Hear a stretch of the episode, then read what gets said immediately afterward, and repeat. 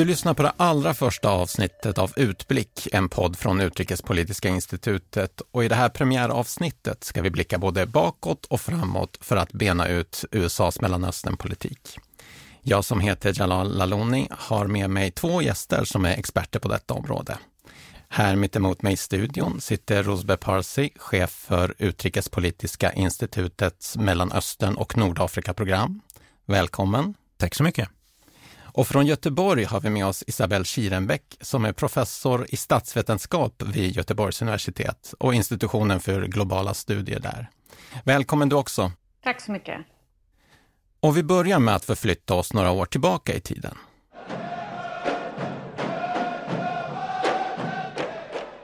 Mm, så här lät det i maj 2017 när Donald Trump var på sin första utrikesresa som USAs president.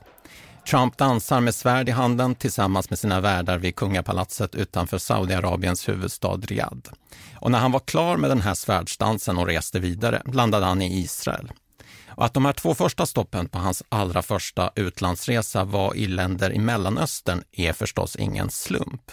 Och om vi börjar där då, eh, varför är Mellanösternpolitiken så viktig för en amerikansk president? Vill du börja Rosberg?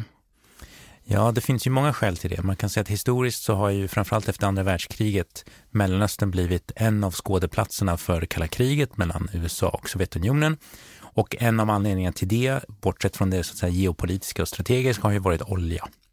Det gäller ju framförallt länderna i Persiska viken, där USA då har byggt olika typer av allianser för att försäkra sig om att eh, oljan flödar Först kanske i huvudsak då för sig själv och för världsmarknaden och numera allt för världsmarknaden för att USA självt inte är lika beroende av olja från regionen längre. Om jag turnerar samma fråga till dig då Isabel, varför är Mellanöstern så viktig för en amerikansk president? Jag håller ju med Rusby det han har sagt, men jag skulle också kanske vilja lägga till att om man mer specifikt ser till Israel-Palestina-konflikten så finns det också inrikespolitiska anledningar till varför det är eh, extra intressant för USA. Det finns starka grupper med specifika intressen i regionen i USA som har påverkan på amerikansk eh, politik. Och då tänker jag ju både på den judiska lobbyn men också den arabiska lobbyn eller de många olika lobbygrupperna eh, som finns, men också den anti-israeliska lobbyn. Och sen har vi ju den kristna högern i USA som ju också har ett speciellt intresse i eh, regionen eh, med sin, eh, sitt intresse för Israel-Palestina-konflikten. Eh, så eh, det är väl helt klart så att Mellanöstern är och kommer att förbli oerhört viktigt för eh, framtida amerikansk politik också. Mm, banden går långt tillbaks eh, där. Du följer ju israelisk politik, Isabel, och vi ska komma tillbaks till relationen Israel-USA lite längre fram i podden. Men vi håller oss kvar i Saudiarabien där vi började och eh, Rosbe, under Trumps ledning har USA haft en god relation med Saudiarabien och även andra länder på arabiska halvön som Förenade Arabemiraten till exempel. Vad, vad har den grundat sig på? Ja, det är en bra fråga. Man kan säga att det finns väl flera skäl till detta. Ett av skälen är ju att Trump försöker riva upp allting som Obama gjorde. Och Obama försökte ju svänga den amerikanska politiken, framförallt till Persiska viken. Inte mot Saudiarabien, men lite grann vara mindre inblandade i allting som händer och som han uttryckte det, låta de länderna som finns där sköta sig själva lite mer och sköta sitt grannskap framförallt. Och det innebar ju då att Obama försökte få till en annan relation med Iran så Trump och framförallt Saudiarabien har ju velat sätta stopp för detta. Saudiarabien av sina väldigt tydliga geopolitiska och ideologiska skäl och Trump helt enkelt därför att han inte vill ha någonting med det Obama gjorde att göra. Så det är det ena. Men sen tror jag också på nästan ett psykologiskt plan så är det så att Trumps sätt att förstå politik eh, är någonting som också föll i god jord när det kommer till Saudiarabien. Det är väldigt personligt, det är väldigt transaktionellt eh, och det bygger väldigt mycket på att man visar upp sig. Eh, och det var väl det som svärdsdansen och hela den resan byggde på. Mm. Så sammanfattningsvis kan man säga att eh, länderna kom närmare varandra under Trumps eh, ledning då. Men det har ju också hänt saker under de här fyra åren som Trump haft makten som kanske försvårat för USA att ha nära band till Saudiarabien. Ett exempel är när den saudiske journalisten Jamal Khashoggi dödades i Turkiet på Saudiarabiens konsulat i Istanbul. Hur har den här typen av händelser påverkat relationen mellan USA och Saudiarabien? Ja, det har den ju definitivt, men kanske intressant mer mellan amerikanska kongressen eh, och Saudiarabien eh, än Trump. Så Trump ägnade väldigt mycket tid, framförallt hans utrikesminister Pompeo och hans svärson Kushner, som, Jared Kushner som har haft en väldigt bra relation till Mohammed bin Salman, kronprinsen i Saudiarabien att de helt enkelt gick ut och försvarade och försökte avvärja försöken till kritik och konsekvensen av kritik från kongressen som skulle kunna leda till mindre vapenförsäljning etc. etc. till Saudiarabien. Så att det väl, man kan säga i det avseendet så blev han Saudiarabiens främste vapendragare i Washington.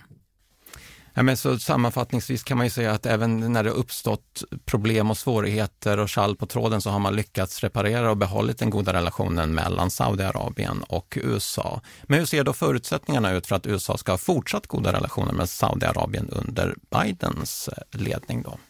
Ja, det är klart att menar, här finns ju strukturer som sagt som går tillbaka till i princip andra världskriget. Så att det är ingenting man kan vända åt ena eller andra hållet eh, allt för radikalt. Och Saudiarabien är en av de mest betydande oljeproducenterna i världen så att det är också viktigt för världsekonomins utveckling.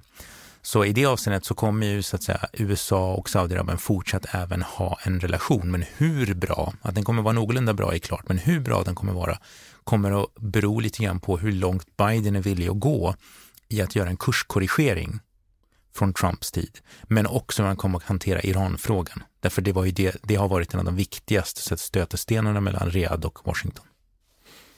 Om man säger så här då, vi nämnde Trumps första utrikesresa och det varma mottagandet han fick i Riyadh. Kan man tänka sig att Joe Biden väljer Saudiarabien som sitt första resmål och kommer han i sådana fall att välkomnas med svärdsdans? Nej, han kommer inte åka till Saudiarabien, han kommer åka till någonstans i Europa eh, och skulle han få för sig åka till Saudiarabien så blir det ingen svärdsdans, det är rätt säkert.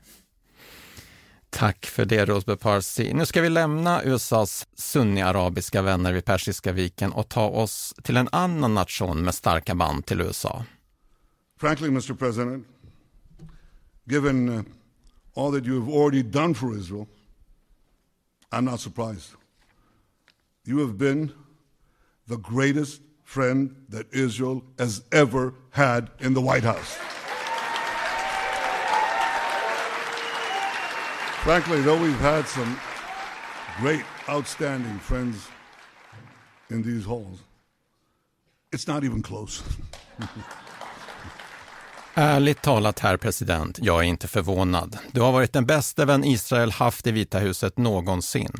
Vi har haft enastående vänner här, men ingen kommer ens i närheten. Så sa Israels premiärminister Benjamin Netanyahu inför den amerikanska kongressen i januari 2020 när Trump hade presenterat sin fredsplan för Mellanöstern.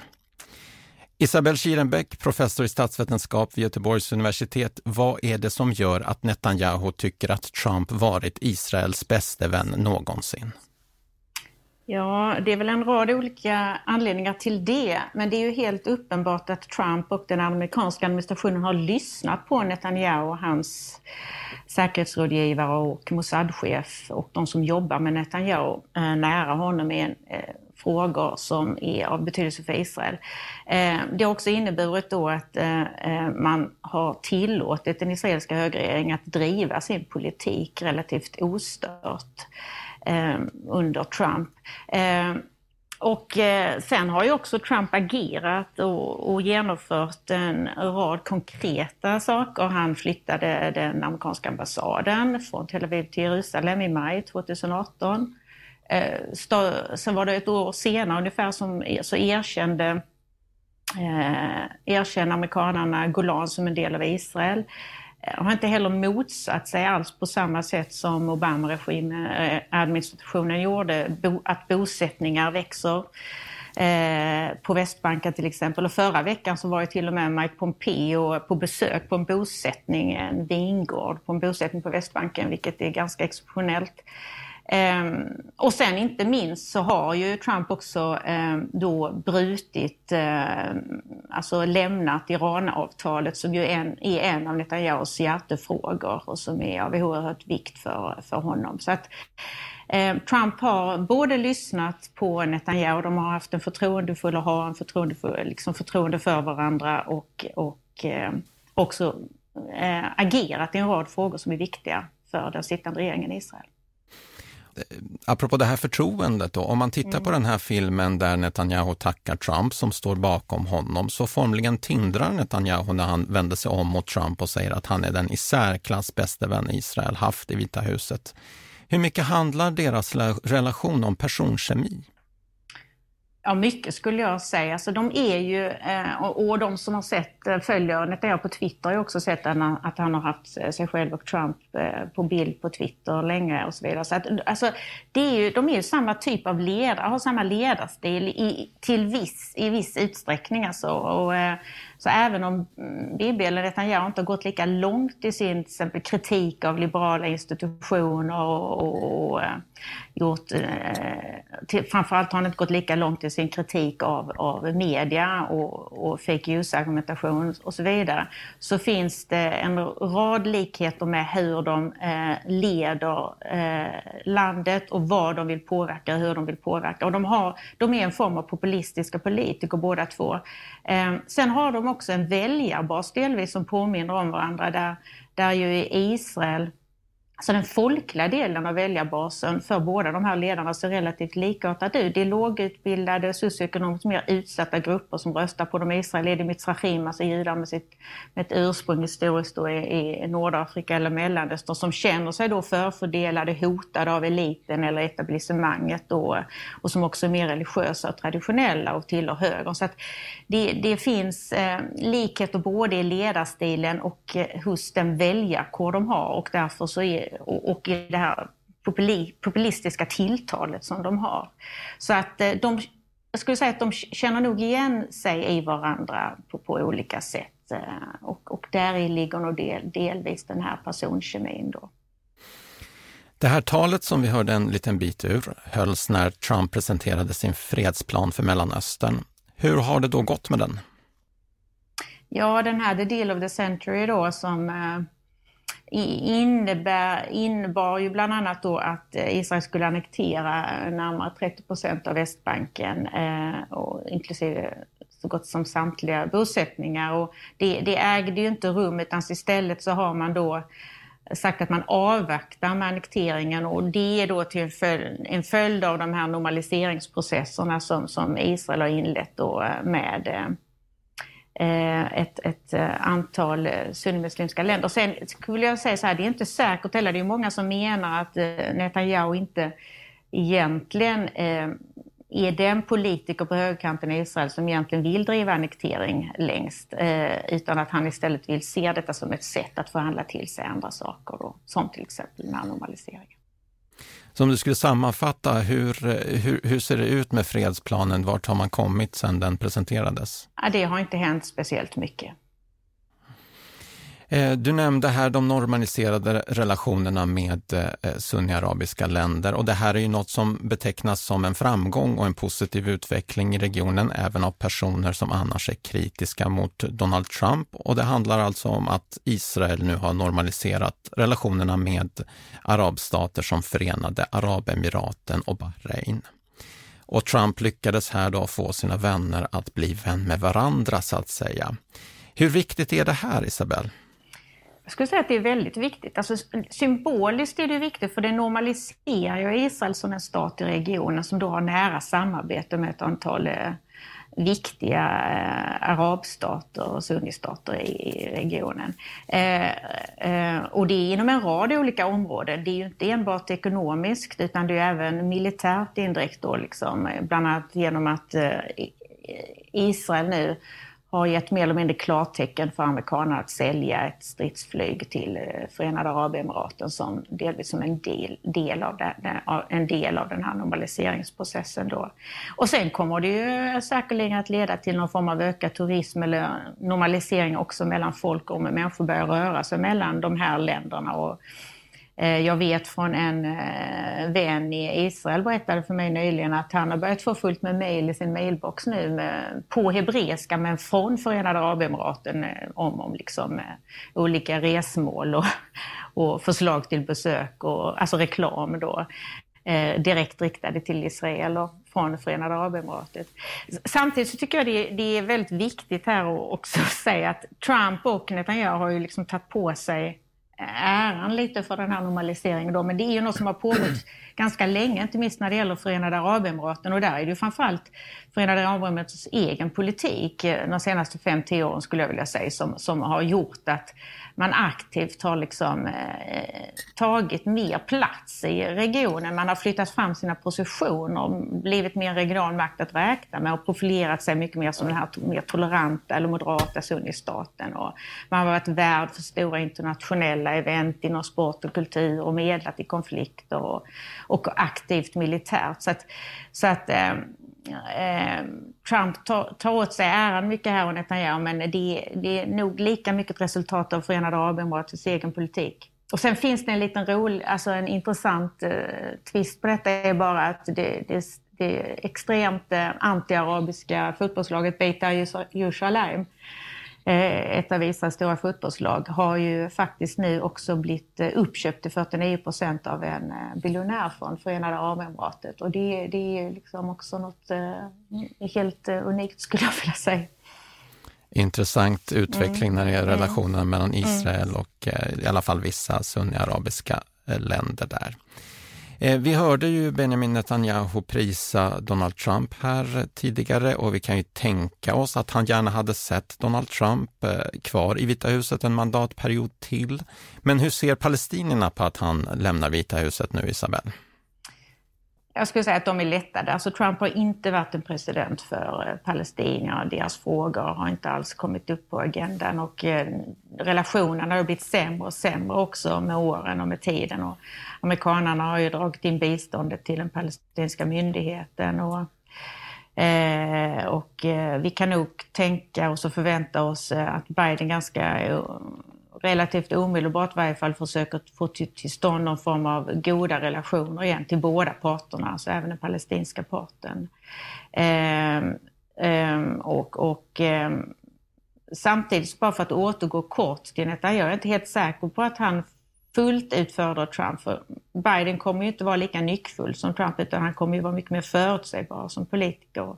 Det är väl något som samtliga eh, parter i den här konflikten kan gynnas av. Men för palestinier så kan vi förvänta oss att biståndet kommer igång igen och att eh, konsulatet öppnar i östra Jerusalem och att, att man kommer att få en helt annan typ av dialog med, med den nya presidenten. Nu har vi pratat om USAs allierade i Mellanöstern. Om vi då går över från vänsidan till fiendesidan. One of the greatest security threats facing peace-loving nations today is the repressive regime in Iran. Not only is Iran the world's number one state sponsor of terrorism, but Iran's leaders are fueling the tragic wars in both Syria and Yemen. At the same time, the regime is squandering the nation's wealth and future in a fanatical quest for nuclear weapons and the means to deliver them. We must never allow this to happen. Donald Trump inför FNs generalförsamling hösten 2019 där han förklarade att den repressiva regimen i Iran är ett av de största hoten mot fred och frihet. Att regimen göder konflikterna i Syrien och Jemen och även försöker skaffa sig kärnvapen. Vi får aldrig låta det hända, sa president Trump. Rusbe Parsi, chef för Mellanöstern och Nordafrika-programmet här på Utrikespolitiska institutet. Vad är det då Donald Trump har gjort för att stoppa Iran från att skaffa kärnvapen? Det första man måste säga är att det som ofta med Trump så är det så att eh, det är nästan för lätt att hitta alla felen, alla sakfelen i vad han påstår. Alltså det är inte mycket som han sa där som överensstämmer med verkligheten. Eh, till att börja med har inte Iran ett kärnvapenprogram så det finns ingenting att hindra. Eh, har, man har ett kärnenergiprogram som man har lyckats eh, så att säga, låsa in i att bara kunna vara till civila ändamål genom det avtal som Obama-administrationen, FNs säkerhetsråd och Tyskland slöt med Iran 2015 och är precis det avtalet som Trump rev upp, för USAs del i alla fall, 2018. Så att man kan säga att är det någon som har bidragit till att öka osäkerheten kring vad Iran kan göra med sitt kärnenergiprogram så är det Donald Trump. Och det är därför som världen befinner sig i den situationen man gör idag i att försöka hitta en väg tillbaka till att Iran ska följa avtalet fullt ut och att USA då måste vara tillbaka i avtalet. Och det är det här kärnenergiprogrammet då som Donald Trump och andra anser att en, en täckmantel för att skaffa sig kärnvapen, ska vi säga.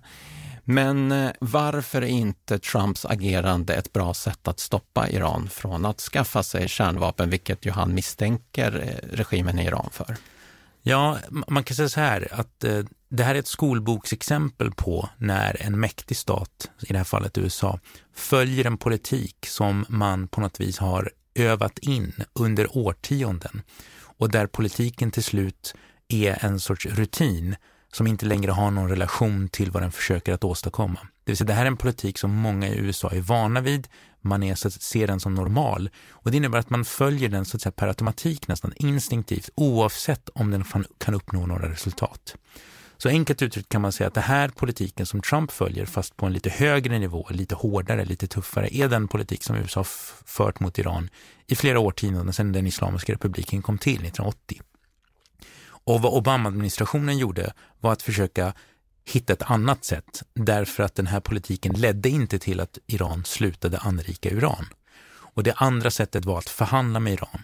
Och genom förhandlingar så lyckades man alltså få till ett avtal där Iran, ja, kan anrika, men väldigt strikta kontroller på hur mycket och var etc.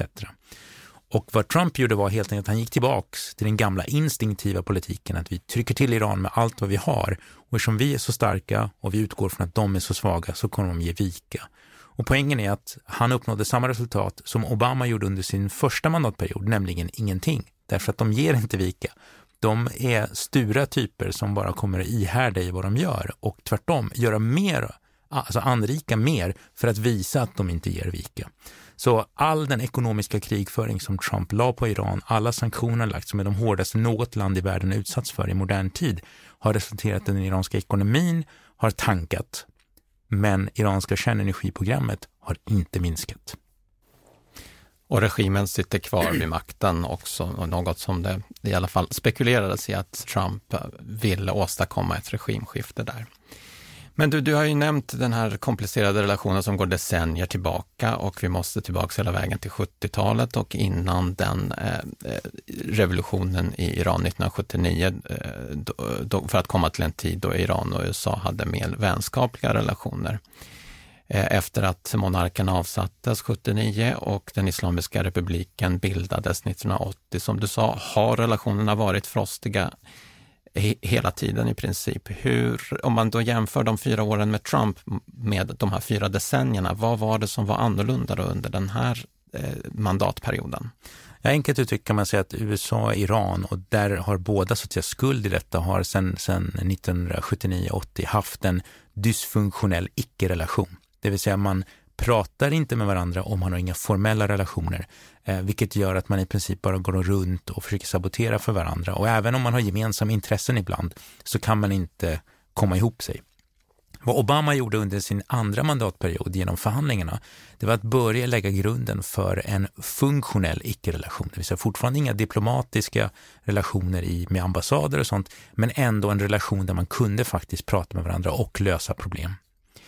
Trump, genom vad han gjorde genom att riva upp avtalet, var att gå tillbaka till den här relationen där man inte pratar med varandra utan pratar till varandra, framförallt genom Twitter.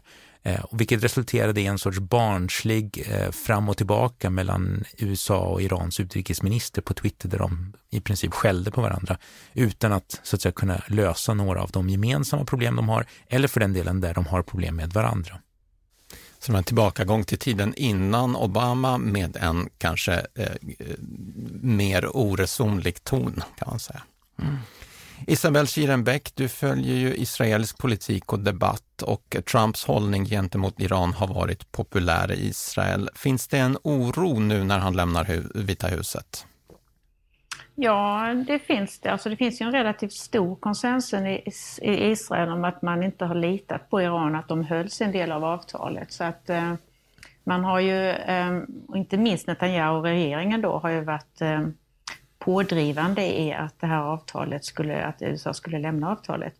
Om vi nu spekulerar eller antar att Israel låg bakom mordet på Fakhrizadeh häromveckan. Det är då alltså en iransk kärnfysiker som dödades i ett tillslag här Ja, Israel har ju inte tagit på sig detta, men om vi skulle anta att det är Mossad som ligger bakom så skulle det ju vara ett tecken på den här oron att man då försöker flytta fram sina positioner medan det går så att säga före Biden tillträder och eventuellt då äh, äh, återupptar äh, förhandlingar kring det här avtalet, att försöka få till stånd det igen.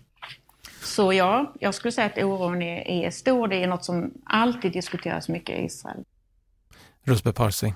Ja, jag bara tänkte säga liksom att, att knyta an till det Isabel var inne på. För jag menar, om nu USA och Iran haft den här dysfunktionella icke-relationen och Obama lyckades skapa någonting som kunde bli en funktionell icke-relation så är ju faran för både de hårdföra i Teheran, de hårdföra i Washington och Bibi och hans vänner i Saudiarabien att den här funktionella icke-relationen så småningom blir en funktionell relation. Det vill säga att Iran och USA får någonting som börjar likna en normal relation med ambassader och så vidare. Det är så att säga fortfarande långt in i framtiden, men hela det scenariot tror jag skrämde slag framförallt på Saudiarabien, men framförallt också var ett hot mot Netanyahu. Eh, och det innebär att i det avseendet så är det inte för vare sig Netanyahu eller Saudiarabien nödvändigtvis en fråga om kärntekniken i sig själv, utan det är också den här ideologiska och geostrategiska eh, poängen av att man inte vill ha USA och Iran pratandes med varandra. Så både Israel och Saudiarabien vill gärna se att Iran är isolerat, så att säga, landet som sådant.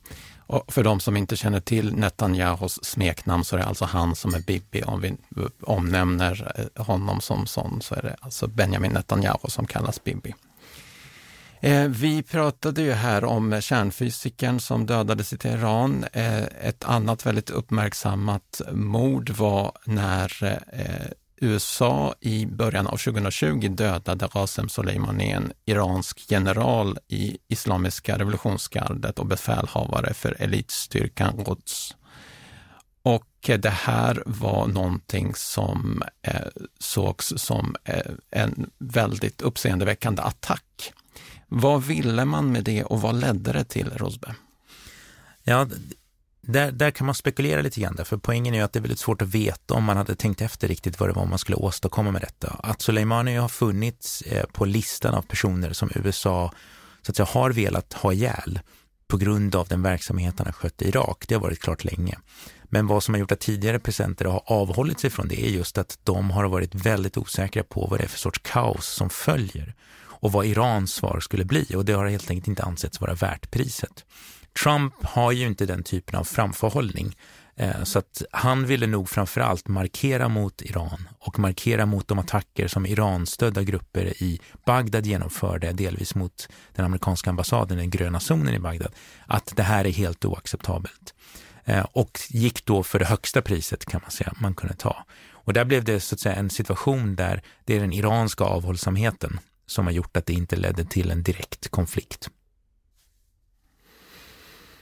Om vi då blickar framåt, Biden var personligen inblandad i kärnteknikavtalet mellan USA och Iran under president Obamas eh, tid vid makten. Kommer han kunna få tillstånd ett nytt kärnteknikavtal?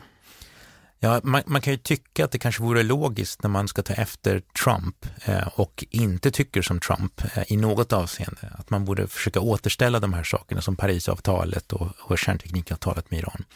Ehm, men som alltid i politiken så är det där väldigt mycket mer komplicerat och det har då att göra med såklart att ehm, ett, Biden är inte en radikal person.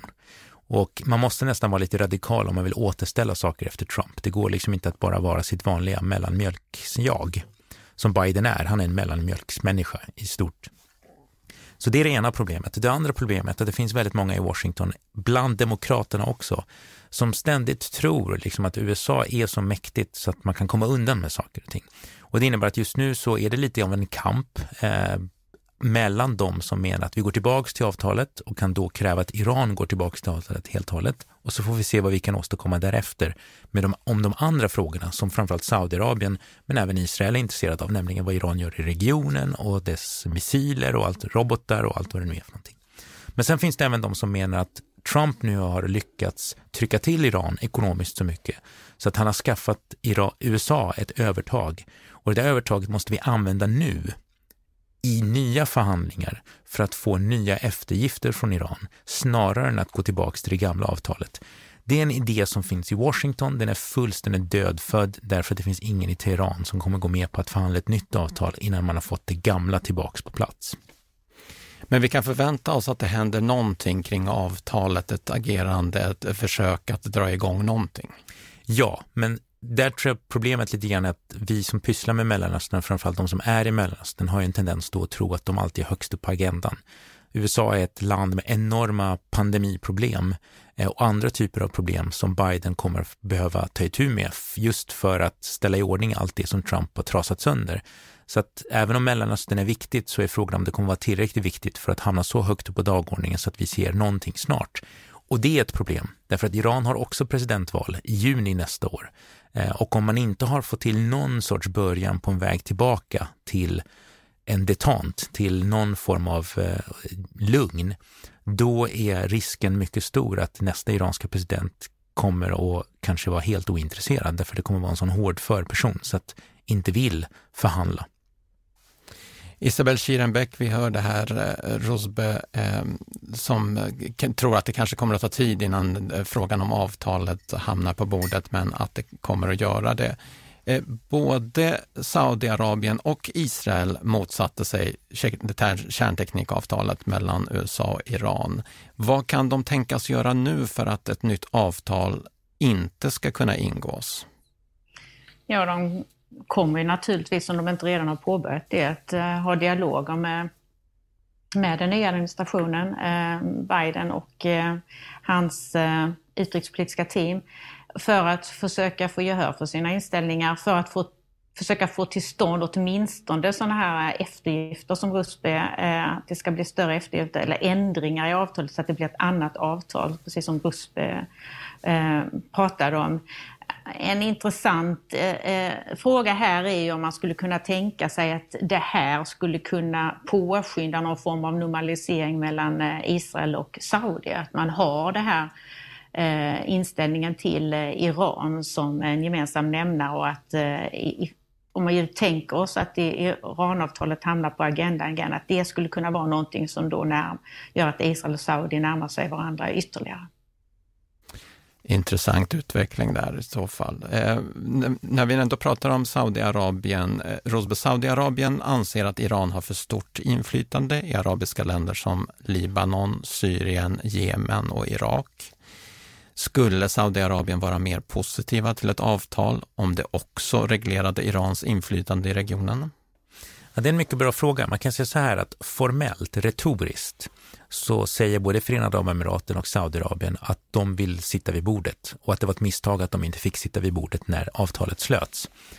Å andra sidan, så skulle de sitta vid bordet så måste de också vara mycket mer realistiska i vad man kan begära av Iran. Och jag är inte säker på att de riktigt har nått dit. Va? För det är ju alltid i alla förhandlingssituationer en fråga om att lära sig att man själv är inte så stark som man tror och motparten är inte så svag som man önskar.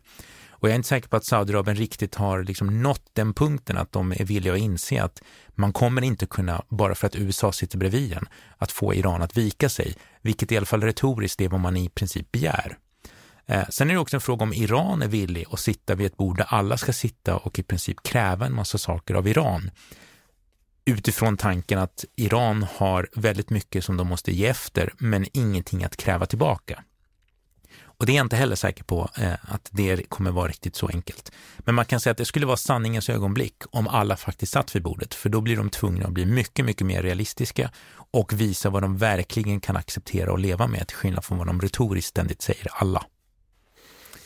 Återstår att se när Biden tar sig an frågan om ett eventuellt kärnteknikavtal med Iran och vilka som kommer att sitta vid bordet och vad man kommer att kunna förhandla om vid det läget. Alltså. Så att det, det är lång väg tillbaka till ett kärnteknikavtal mellan Iran och eh, USA och andra motparter då som var inblandade i det kärnteknikavtal som ingicks 2015.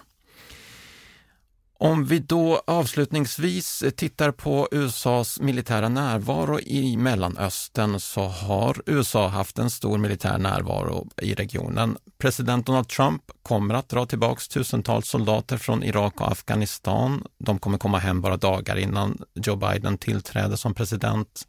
Varför har det här varit en viktig fråga för honom? Ja, man kan säga så här att i det avseendet så har ju Trump försökt göra det alla amerikanska presidenter har lovat sedan de här väldigt impopulära krigen började när man insåg att de inte skulle vara över på, på ett halvår eller så. Nämligen just att dra tillbaka de amerikanska trupperna, inte bli inblandade i en massa krig som aldrig leder till några tydliga segrar och som kostar oerhört mycket både i termer av människoliv och, och ekonomiskt. Så i det avseendet så har han har jag, så att säga, varit, eh, försökt att vara trogen ett väldigt viktigt vallöfte på ett sätt som ingen annan tidigare har vågat riktigt. Men poängen här är ju att han har gjort det genom att ignorera alla de verkligheter som gör ett sådant vallöfte svårt att, att uppfylla. Nämligen att det här är väldigt fragila stater eh, där om man ger sig av hux flux så kanske de kollapsar. Framförallt vad lämnar man efter sig? Och då har vi inte ens kommit in på prestigefrågan. Det vill säga att ingen amerikansk president, tar Vietnam och framåt, vill vara den som springer därifrån med svansen mellan benen, vilket är i, i princip vad det kommer att framstå som om man bara ger sig av, om man inte har en tydlig allierad som sitter kvar där vid makten i landet X och därmed kan visa att allt det vi gjorde var, har haft en bestående effekt. Och poängen är att vare sig i Irak eller i Afghanistan har det USA gjort haft en positiv bestående effekt i meningen skulle USA lämna Afghanistan imorgon så är sannolikheten att talibanerna tar över helt och hållet väldigt, väldigt stor. För att inte tala om att alla europeiska länder som varit med och hjälpt till i Afghanistan blir sittandes där och undrar vad, vad är det för kontext de helt plötsligt befinner sig i. Mm.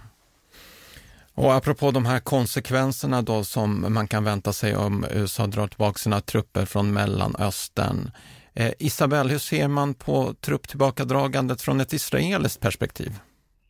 Nej, men Israel har ju varit eh, eh, väldigt oroade av de här trupptillbakadragandena och eh, till exempel när USA lämnade Syrien, eh, lämnade kurderna och Turkiet kunde flytta fram sina positioner då var man ju relativt tysta från israelisk sida samtidigt som vi vet då att eh, Mossad-chefen Yossi Cohen till exempel lyckades övertala Trump att behålla något mer personal kvar. Och det är väl ett av de här exemplen på att Trump inte har varit eh, eh, alltid en enkel president att ha att göra med utifrån ett israeliskt perspektiv. Eh, när det gäller eh, eh, Irak och Afghanistan nu eh, och de senaste förslagen till trupptillbakadragande så ser vi ju nu, om man följer Netanyahus uttalande och uttalande för Israel hur han försöker balansera en avgående Trump mot, mot liksom att Biden ska ta över. Alltså så att det har varit relativt tyst. finns också en policy att man inte lägger sig i inre angelägenheter och detta kanske tangerar det på något sätt då liksom i och med att det är ett vallöfte precis som Osby är inne på. Men, men eh, nej, det, det är inget man stödjer i Israel utan man eh, man ser det som en möjlighet för eh, vissa grupper eh, att flytta fram sig till positioner och så att säga eh, eh, göra läget allt mer oroligt i regionen.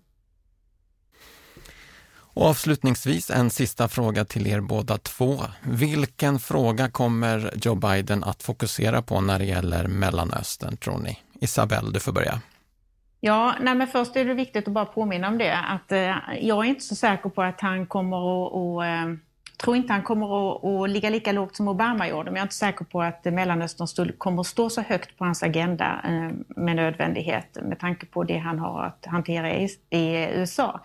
Eh, men jag tror att några några punkter. Jag tror han kommer att eh, måna om att skapa en dialog om förtroende med den palestinska parten igen, att, att eh, eh, liksom återskapa det och att få det på plats. Att påbörja det här bist eller upp, återupprätta biståndet till den palestinska myndigheten, flytta konsulatet kanske. Kommer inte att flytta tillbaka ambassaden, det tror jag inte.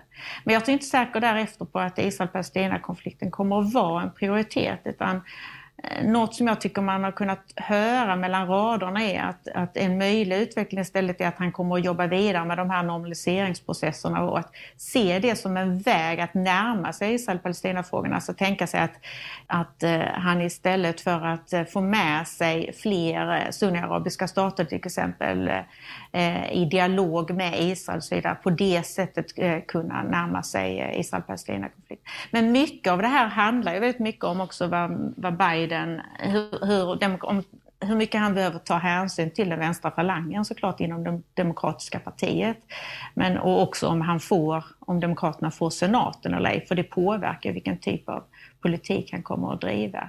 Sen önskar jag såklart att han, man skulle kunna säga någonting om Jemen, att man skulle önska sig att eh, USA skulle vilja vara, ta en mer aktiv roll när det gäller Jemenkonflikten eh, och den eh, fruktansvärda situation som, som eh, det landet befinner sig i. Men det, det tror jag inte heller. Och precis som Rusberg varit inne på så är ju frågan om hur mycket han kommer egentligen att vilja dra i kärnteknikavtalet. Men på något sätt tror jag nog inte minst med tanke på EUs intresse i detta också att han kommer att eh, också försöka få till stånd någon form av ändring när det gäller det så småningom. Det finns många olika ingångar om man vill ta sig an Mellanöstern. Alltså. Vad tror du, Rosbe, kommer att vara första frågan för Biden att ta tag i? jag håller med Isabel. Jag tror att han kommer att eh, försöka hjälpa palestinierna lite grann. Men som hon är inne på, såvida inte hans egen vänsterfalang lyckas eh, så att säga, bryta igenom den eh, konservatism och den tröghetslag som gäller amerikansk politik så, så kommer han inte lägga särskilt många strån i, i kors för att flytta fram själva sakfrågan. Det vill säga hur ska man lösa konflikten mellan israelerna och palestinierna. Eh, jag hoppas också på Jemen och man skulle kunna tänka sig om man vågar vara lite optimistisk att Jemen är, alla säger ju det, att Jemen har varit den lättaste konflikten i meningen att ingen egentligen är investerad i den förutom Mohammed bin Salman. Så den borde vara den alla kunde göra eftergifter på. Nu har det inte blivit så, men man kan tänka sig att ett sätt för Biden att hantera just sin vänsterfalang och även en hel del kritiker bland republikaner, även om de inte är lika tydliga där, det är ju just att säga åt Saudiarabien att nu måste ni lösa det här. Och, för det är faktiskt Saudiarabien som har ändå hållit eh, den här, har startat den här konflikten som den ser ut idag. Eh, och till och med Förenade Arabemiraten har försökt manövrera sig ut ur den. Eh, så att möjligtvis kan man tänka sig att om, om man vill göra någonting som har lite mer bestående karaktär så skulle det kunna vara en push på det.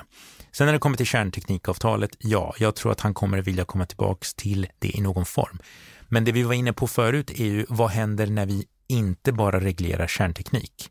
Det vill säga kärnteknikavtalet finns kvar, så formellt sett så är det USA som bryter mot en FN-resolution som, som reglerar det avtalet. Så de kan enkelt i det avseendet komma tillbaka till det inom citattecken. Men vad det handlar om sen då är, vad gör man åt allt annat som Iran, Saudiarabien, Israel och kompani bråkar om? Det är så att säga avtal nummer två möjligtvis. Och den kommer vara mycket svårare just därför att de här länderna har väldigt olika inställning både till vad som är en lösning och framförallt vad, vad de tycker att den andra sidan ska göra eftergifter på.